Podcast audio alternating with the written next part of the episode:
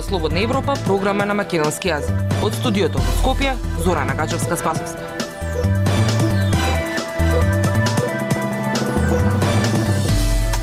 Почитувани добар ден. Го слушате неделното интервју на Радио Слободна Европа.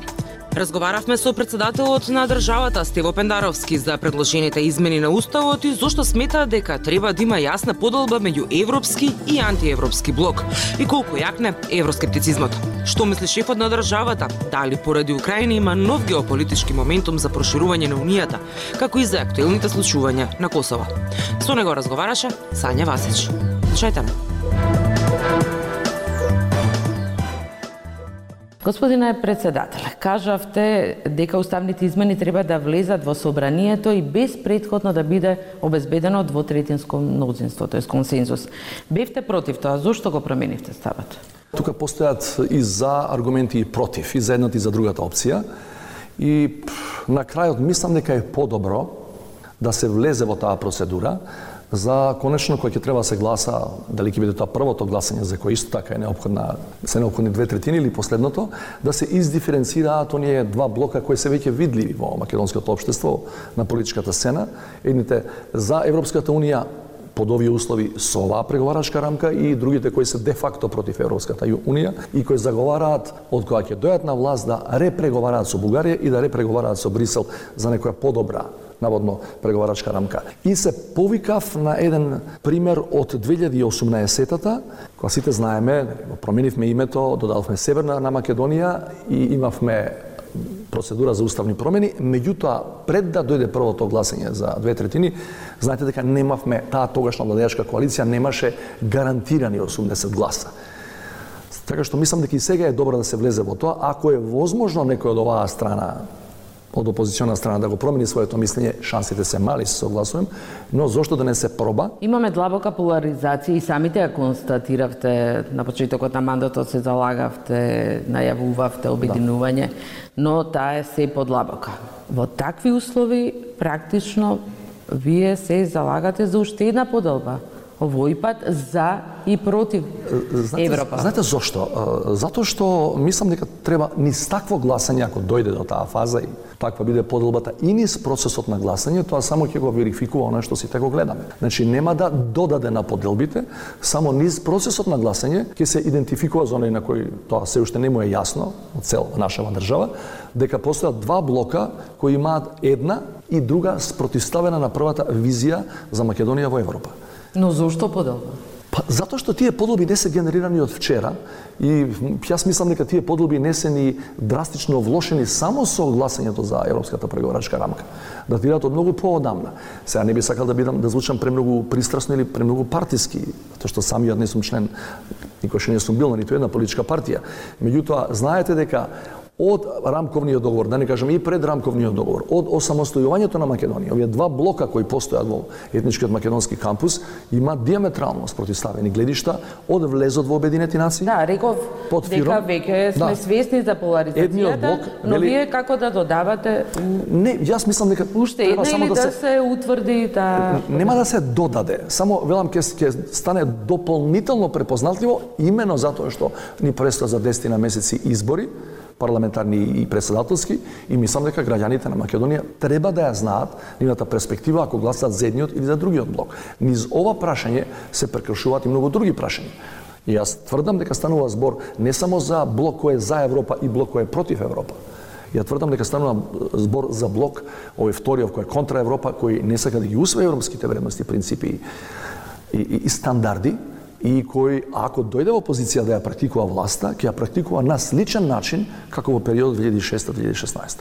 Ако се усвојат уставните измени, очекувате веднаш да продолжат преговорите со Европската Унија без нови услови, без нова Да, затоа што постои клаузула во самата преговарачка рамка, буквално вели по автоматизам ќе се продолжи ако се усвојат уставните измени, по автоматизам се закажува втората меѓувладина конференција. Значи не вели ќе ви дадеме дополнителен датум за втората конференција, туку вели по автоматизам се закажува втората меѓувладина конференција. Овие денови слушаме од Вондерлайн, Лајен, од францускиот председател Макрон, нови планови за развој на Западен Балкан, од Макрон планови за нови видови на сојузи, проширување на Европската унија на Западен Балкан не е прв пат слушаме вакви најави, но дали Европската Унија сметате дека конечно се разбуди заради Украина и дали на вистина постои геополитички момент што треба да се искористи? Верувате ли во тоа? Не. Не верувам во нови форми на асоцирање и членување во Европската Унија. Да бидам отворен и директен. Македонските граѓани се уморни, се заморени од нови и нови методи по кои ние треба да се приклучиме на таа организација. Имено францускиот председател Макрон пред три години побара нова методологија која тврдеше во тој период дека ќе биде далеку поефикасна, далеку покуса во временска смисла и вели како што ќе напредувате од кластер во кластер, така веднаш ќе ги чувствувате придобивките од членство во таа област која ќе ја завршите со преговорите, нема да чекате до последниот момент кога конечно ќе станете полноправна членка. За жал, до овој момент и двете држави од Западниот Балкан, Србија и Црна Гора, кои се во процес на преговори безмалку децении, ако не и преку тоа, немаат почнато практично да преговарат по новата методологија.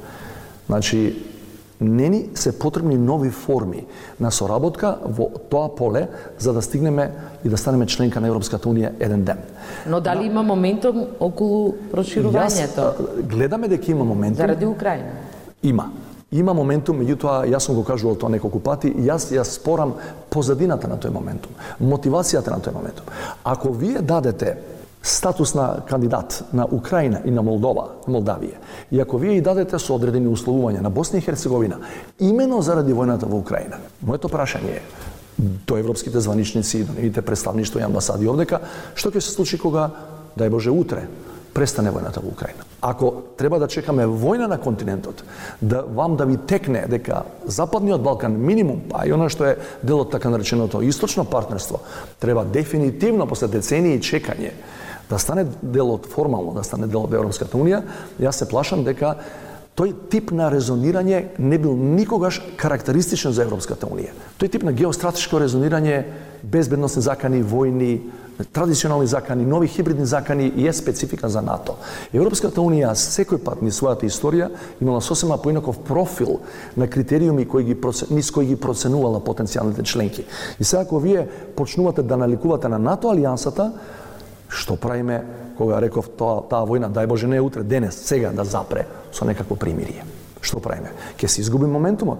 Не би сакал да видам моментум за приклучување на Западниот Балкан, учително и на Македонија, во Европа, само затоа што има војна некаде на континентот. Евроскептицизмот расте, очекувано, на колку за тоа придонесува и самата влада па и вие лично обвинувајќи Европската Унија дека го изгуби кредибилитетот држејќи не во чекалницата.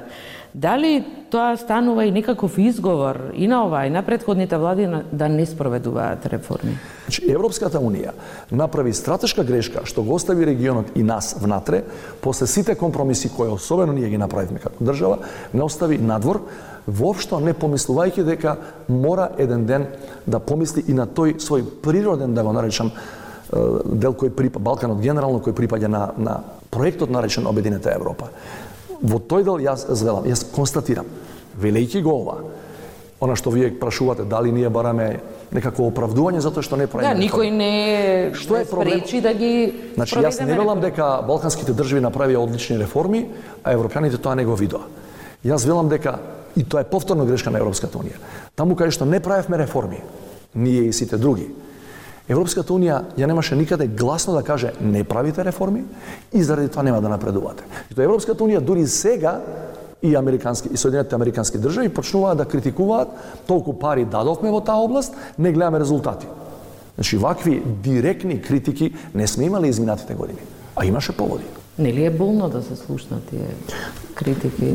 Понижувачки е за секој од нас. И ние што сме на јавна функција во овој период, и оние што биле пред нас на јавни функции години и години, а не помогнале да се да се подобрат состојбите.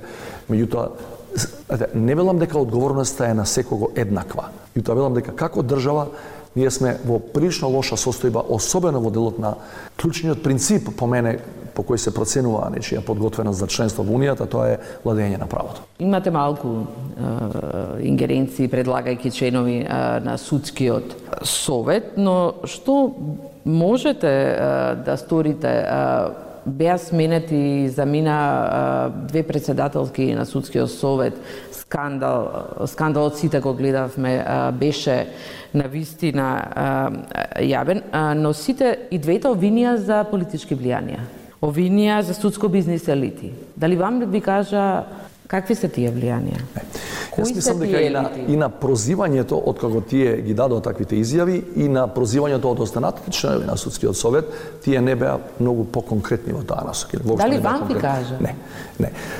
Знаете, Дали вие знаете кој се? Да, јас не знам, за во конкретниот случај кој нив им се јавувал од политичката гарнитура или или од бизнис елитата, меѓутоа знаеме дека такви притисоци постојат особено за оние така наречени високо профилирани случаи во кои некоја крупна риба од бизнисот или од политиката е потенцијално зафатена со со тие може да биде зафатена со тие процедури. Она што ќе ме прашате, независно дали има многу или малку ингеренции, јас им давам препораки и на оние кои имаат многу ингеренции во однос на правосудството. Направете една ваква работа, наместо реторика, просто дадете пример вие со тоа што вие нема да се јавувате никаде. Значи, начално зборувам за сите политичари кои се на функција, ресорни министри, председатели, премиери, градоначалници, зборувам за оние кои се избрани од граѓаните. Бизнисот е посебна ситуација. А ако и тоа мислам дека јас го правам во изминативе 4 години додека сум на мандат. Не постои една единствена инстанца во која јас сум се јавил или преку човек или директно за било кој случај да ургирам да биде решен вака или онака. Ако сите што сме на некаква јавна функција, тоа го правиме или барем поголемиот дел од нас, мислам дека драстично ќе се подобрат состојбите во таа сфера.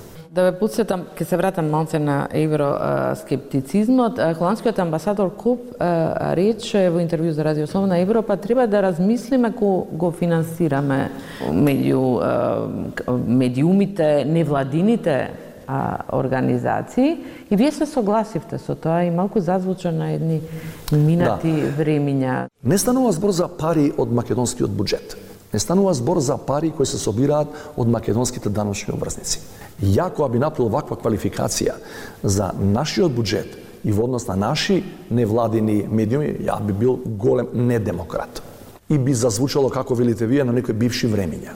Ја коментирам одлука на странска држава, Кралство Холандија, холандската влада вели се повлекуваме од еден голем проект со судскиот совет, бидејќи судскиот совет ни покажа дека не работи согласно европските принципи и ние не сакаме да ги трошиме парите на холандските даночни обврзници. Знаете и вие и јас дека постојат на пример интернет портали кои последниве две години ја поддржуваат тотално руската нарација за нивната инвазија во Украина, а примаат во еден дел и американски пари и европски пари.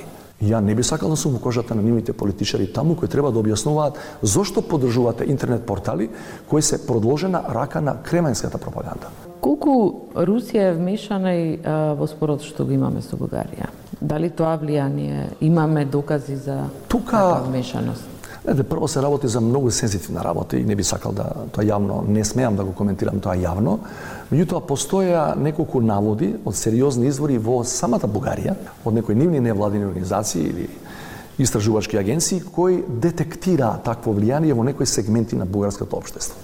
Меѓутоа, сега без да навлегувам подалеку и се разбира ги немам сите информации на таа тема, Мојот впечаток е во однос на позадината на тој спор, дека тука станува збор за дебели историски наслаги на бугарска страна, затоа што знаете нивната реторика изминативе 2-3 години не се разликува од реториката која била од нивна страна кон нас и кога сме биле дел од Југославија и пред 30 и пред 50 години.